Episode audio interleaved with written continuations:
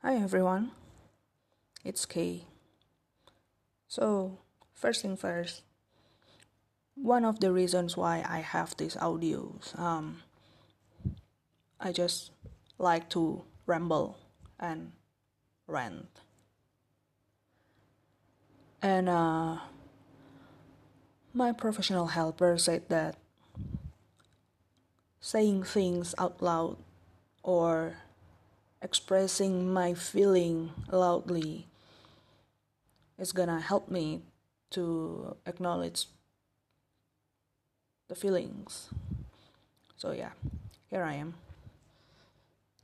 Mm. Actually, I don't have anything uh, to say for this episode, the first episode. Um, Nothing much happened today. I went to a Nepali restaurant. It's around noon. I think it's 12 ish. And I had momos. And that's it. Those momos I ate were my breakfast, lunch, and dinner. I spent around two hours there uh, it was raining heavily as well. So I just had to stay inside the restaurant. So uh, yeah, I ate a lot. The owner is nice and friendly. He is a Nepali, but speaks Thai really well. That's really great. I've been in Thailand. Um, this is my third year and I think my Thai has not progressed that well.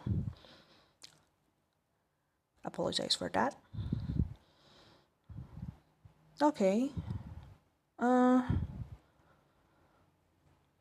then I went to a cafe, which is located just two stations away from the restaurant, and I had iced green tea there. The cafe was uh, not that crowded, maybe because it's weekday and I think people are still in the office. Okay. I think that's it for today. I try to make this daily, but I'm not promising anything. Um, I'm planning to go to IKEA tomorrow. Sorry, uh, is it IKEA or IKEA? Yeah, not sure, and I've never searched about it. Huh. So yeah, going there tomorrow to buy some storage box because uh, I set my address at a website called Postcrossing. I set my address, um, sorry, my Thai address there. So yeah, I'm gonna have so many postcards and letters coming and I need them to be uh, to be stored well. I don't know. Maybe it's just my reasoning to go to IKEA or IKEA. All right. See ya.